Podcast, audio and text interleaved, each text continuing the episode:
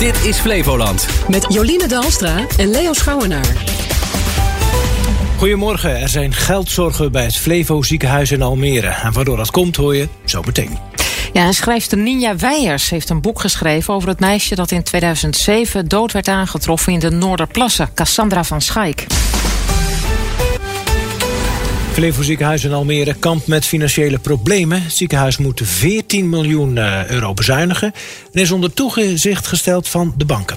Ja, dat heet een bijzonder beheer. We praten erover met Monique Gutteling van het Flevo ziekenhuis. Monique, goedemorgen. Goedemorgen.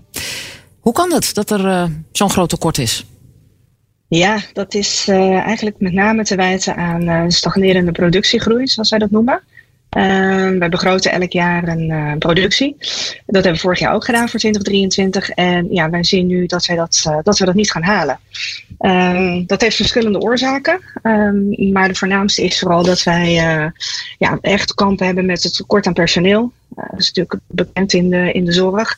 Maar speelt ook zeer zeker bij ons. Dat betekent dat we met onze mensen die wij in vaste dienst hebben, die productie niet halen. daarvoor huren wij mensen in. Uh, dat kost natuurlijk extra geld. Um, ja, en daardoor uh, ja, komen de problemen. Ja, want de productie, dat wil zeggen van nou ja, het, het aantal medische handelingen, bijvoorbeeld operaties. Uh, mm-hmm. Een tekort aan personeel, ja, dan denk ik dat is lastig, want je moet gaan bezuinigen. dus zul je meer eigen personeel moeten zien te vinden. Maar ja, dat is nou juist heel moeilijk. Dat is zeker heel moeilijk. Uh, dus vandaar ook dat wij, uh, om de productie toch zoveel mogelijk door te laten gaan, gebruik maken van uh, externe, die wij daarvoor inhuren. Aan de andere kant ja, blijft dat inderdaad wel een grote uitdaging. En ja, wij zetten daar ook op alles op alles om ja, zoveel mogelijk personeel aan ons te binden. Ja, maar dat is weer moeilijk, zei jullie net. En die externe inhuren ja. om de productie te verhogen, dat is ook extra duur. Zo blijf je een beetje ja. in dat cirkeltje. Ja, dat klopt. En uh, uh, dus daar, daar kijken we ook uh, bijvoorbeeld naar onze alliantiepartner, UMC, Amsterdam UMC. daar hebben we al een goede samenwerkingsverband mee. Daarmee proberen we ook samen naar een oplossing te komen. ja, het is lastig. Ja. Maar betekent maar dat, dat, dat, patiënten vanuit Almere vaker naar Amsterdam zullen worden doorverwezen, bijvoorbeeld? Nee, het is, het, u moet het eerder andersom zien. Uh, we kijken vooral bij de bijvoorbeeld laagcomplexe zorg, uh, waarin wij kijken of patiënten die in Amsterdam staan, die wij in het Flevoziekenhuis uh, kunnen behandelen. En wat is laagcomplexe zorg? zorg? Sorry dat ik ja, je onderbreek, maar wat is laagcomplexe zorg? Uh, ja, dat is zorgen die, nou ja, Amsterdam UMC heeft natuurlijk een academisch ziekenhuis. Uh, hè, zij doen echt wat ingewikkelde operaties. Uh, bij ons is dat natuurlijk niet aan de hand. Maar kunnen bijvoorbeeld wel een wat, nou ja, wat, wat kleinere ingrepen van hen overnemen. Ja, ik zit nu. Moet overigens wel zeggen. Ik zit er nu naar te luisteren en ik denk, kan ik nog terecht bij uw ziekenhuis? Komt, komt de zorg zeker. voor patiënten niet in? Oh, zeker. Maar u heeft geen nee, personeel zeker. toch? Nee, we hebben inderdaad geen, of we hebben zeker personeel, laten we dat voorop stellen. En we blijven ook altijd op zoek. Uh, nee, en dat ik, uh, wat ik zeg, wij proberen daar alles aan te doen om dat, uh, om dat zo goed mogelijk recht te kunnen trekken. Ehm, dus wij kijken ook nu naar mogelijkheden, binnen de mogelijkheden die we hebben, om zoveel mogelijk nieuwe mensen aan te nemen. Ja, ja, dat zal dan ook nodig zijn. Als je meer werk hè, bijvoorbeeld vanuit ja. Amsterdam gaat aantrekken, dan heb je nog meer mensen nodig. Nou goed, ehm, dus dat, is, dat wordt een uitdaging. Ehm, hoe zit het met uh, ontslagen? Moeten er mensen uit? Want ja, dat bedrag dat is flink hoog, die 14 miljoen. Dat is uh, flink hoog. Dan moet ik wel zeggen, we focussen nu heel erg op dat personeelstekort. En natuurlijk ook te maken, uh, hè, dat geldt ook in andere sectoren, met stijgende energiekosten bijvoorbeeld. Ja. Um, dus daar hebben we ook, ook mee te maken. Ja, nee, geen ontslagen. Sterker nog, wat ik al zei, we zijn natuurlijk hartstikke op zoek naar met name medisch personeel. Uh, daarnaast, um, uh, ja, wat ik al zei, daar doen we dus alles aan om die te binden. En om te ademen en om te binden in ieder geval. Mm-hmm. Um, dus het, nee, zeker geen ontslagen. Nee. Zeker niet. U, u noemt uh, de gestegen energiekosten. Hoeveel zonnepanelen liggen er al op het dak van het ziekenhuis? Nou, geen.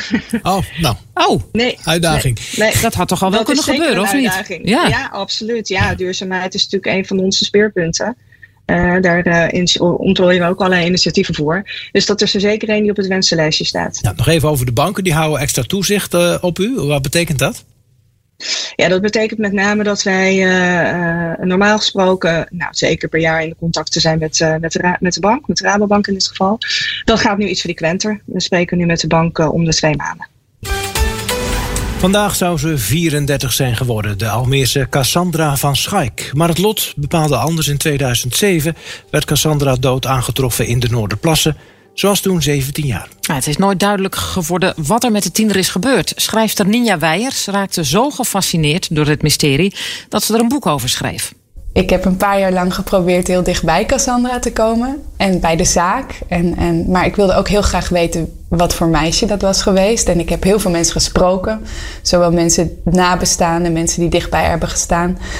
Um, maar ik kwam er ook gaandeweg achter dat het eigenlijk best wel heel moeilijk is om, uh, om iemand echt te leren kennen die er niet meer is. En uh, die er al zo lang niet meer is. En um, dus, dus uiteindelijk ja, dat is een hele goede vraag. Van leer, heb, heb ik haar leren kennen en leert de lezer haar kennen? Ik denk deels wel en deels niet. Het is dus niet een true crime over een cold case, voor de duidelijkheid. Nee, het, is meer, het, is, het, heeft natuurlijk wel elementen van true crime. Want het was wel mijn, mijn, mijn, Ik dacht wel, toen ik eraan begon, dacht ik... ik ga gewoon een, ik ga een soort true crime schrijven. En kijken, ook kijken of ik dat kan überhaupt. En, en, uh, dus het heeft absoluut aspecten van een true crime. Maar het is ook veel meer denk ik een beschouwing van wat, wat betekent het bijvoorbeeld dat we met z'n allen zo geïnteresseerd zijn in true crime? En in, hè, als, een, als een jonge vrouw doodgaat, dat, dat genereert vaak heel veel aandacht. U geneerde zich er zelf ook voor dat u geïnteresseerd was, bijvoorbeeld uh, ja, in foto's van het lichaam. Ja, ja, dat waren voor mij echt hele ingewikkelde onderwerpen. Omdat ik, ik wist aan de ene kant heel goed dat ik hier heel graag over wilde schrijven. En aan de andere kant dacht ik ook van waar ben ik nou eigenlijk mee bezig? En ik was voortdurend, uh, werd ik geconfronteerd natuurlijk met, met, met, de pijn van mensen en het verdriet. En dat ik dacht van wie ben ik eigenlijk om, om dat dus weer opnieuw open te halen en, en, en daar iets over te schrijven. Want het is natuurlijk heel uh, kwetsbaar. Uiteindelijk heeft de zaak Cassandra en ook Cassandra zelf veel meer met u gedaan en veel meer losgemaakt misschien dan u had verwacht. Ja, Absoluut. Ja, het is ook echt een veel uh, groter project geworden op een bepaalde manier. Ik dacht, ik dacht van, oh, dit is eigenlijk heel simpel, want ik, uh, dit is een echt gebeurd verhaal. Normaal schrijf ik romans en moet ik alles verzinnen. En dit is er gewoon, dacht ik. En ik praat met die mensen en dan, dan komt het vanzelf wel op een bepaalde manier op papier. Maar dat is natuurlijk niet hoe het werkt.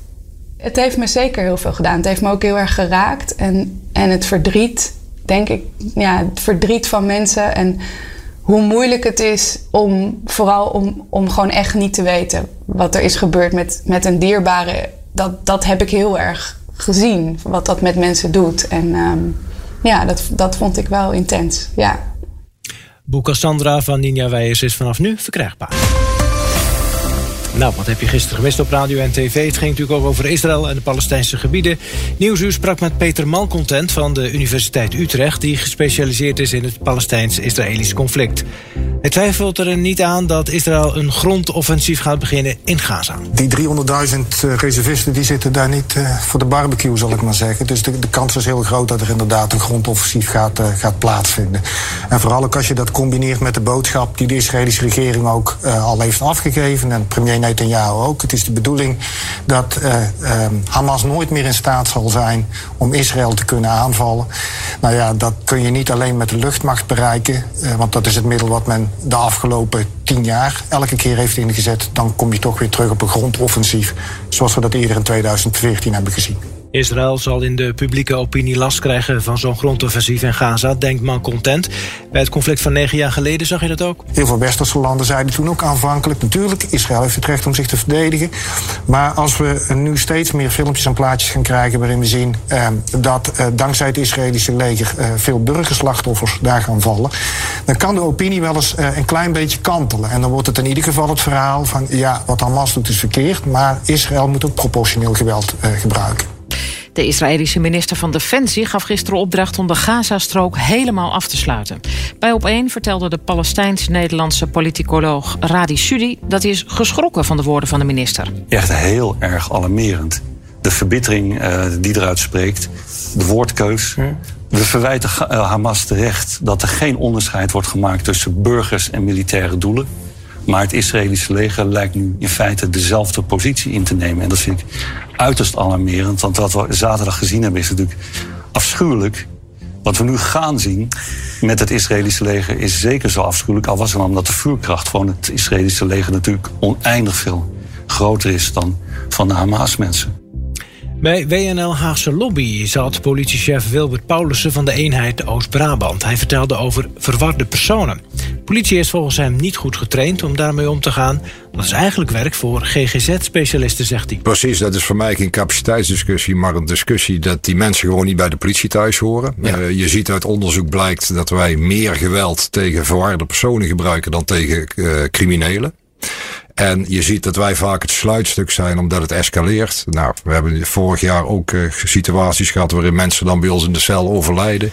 Allemaal dingen die niet bij ons thuis horen, maar waarvan de escalatie wel bij ons terechtkomt. De politiechef had ook goed nieuws. Verschillende soorten criminaliteit zie je steeds minder. Fysieke criminaliteit, woninginbraken, dat soort zaken. Uh, in, in, in tien jaar gehalveerd. Hè. Dus dat waren de grote topics tien jaar geleden voor de politie. Maar wij natuurlijk moeten aantekenen dat in coronatijd natuurlijk huisinbraak wat ingewikkeld werd.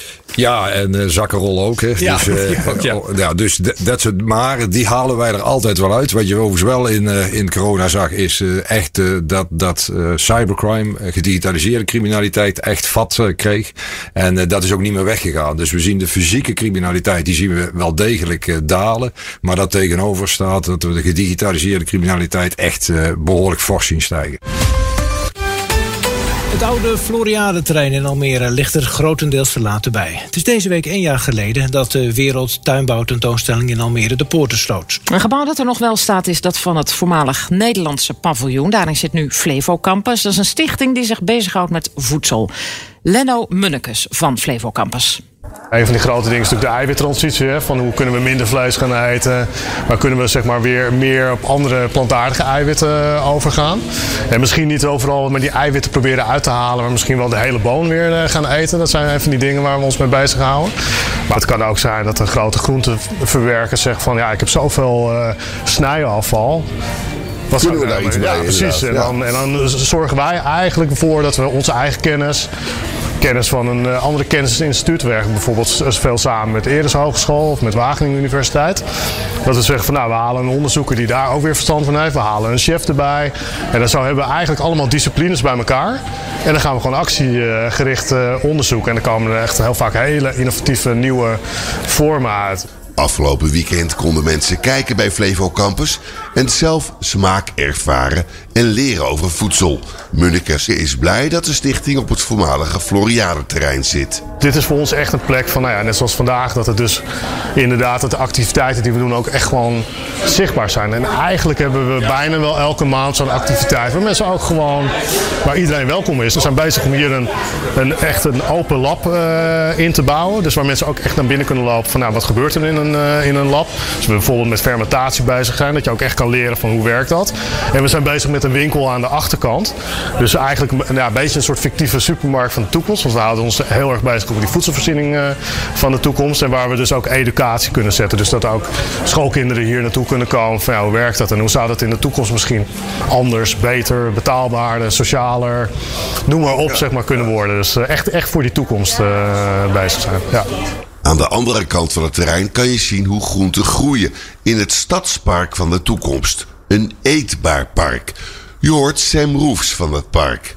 Dus het is niet de bedoeling dat we hier heel Almere mee kunnen voeden. Maar we zijn wel een proeftuin om te kijken van... Hey, kunnen we nou bijvoorbeeld zo'n park... want je hebt natuurlijk wel heel veel parken... en zeker in Almere heb je heel veel ruimte... kunnen we nou ook steeds meer dingen gaan inrichten voor voedselproductie. En bedoel, hier mogen mensen mogen hier gewoon rondwandelen... alsof het een park is. Maar dus er wordt ook voedsel uh, verbouwd. En je hebt op andere plekken in Almere ook uh, heel veel eetbare bomen. En het is heel goed als mensen daar wat meer ook leren over voedsel. Dus uh, nou, daarom nodigen we ook graag mensen uit om hier te komen kijken. Zijn er veel vrijwilligers die op die manier weer meer leren over het voedselsysteem.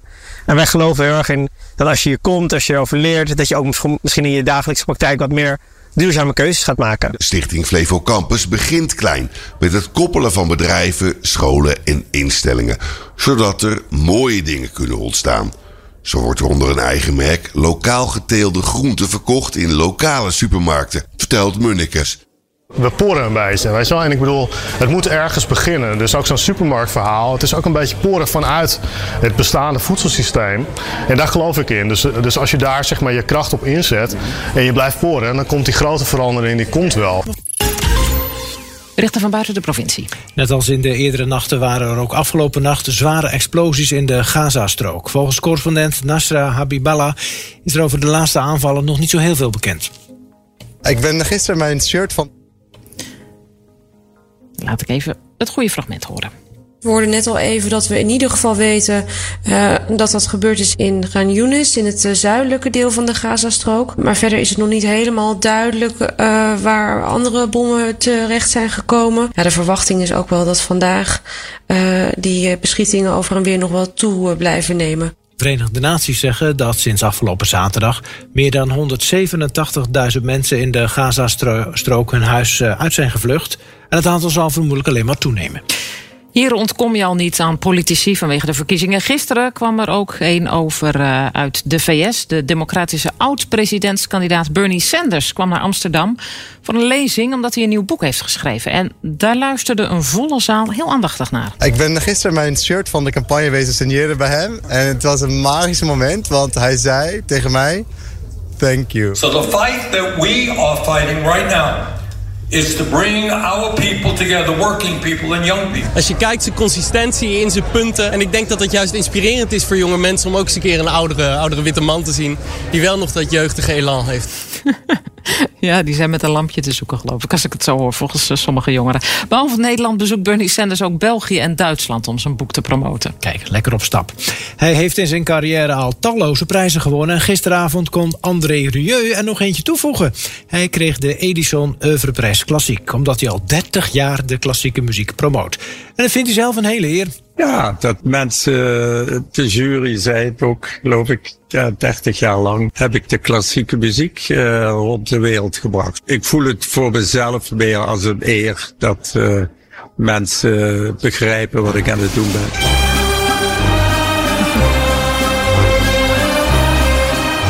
Je verwacht het niet, hè? Nee, nee, nee, nee. Het was echt heel bijzonder. Er was ook een oeuvreprijs voor jazz. Die kreeg de drummer Hans Benning. In de jaren 60 drumde hij onder meer bij een aantal Amerikaanse artiesten... die in de tijd Nederland bezochten. En dat waren ze, de berichten van Buiten Flevoland.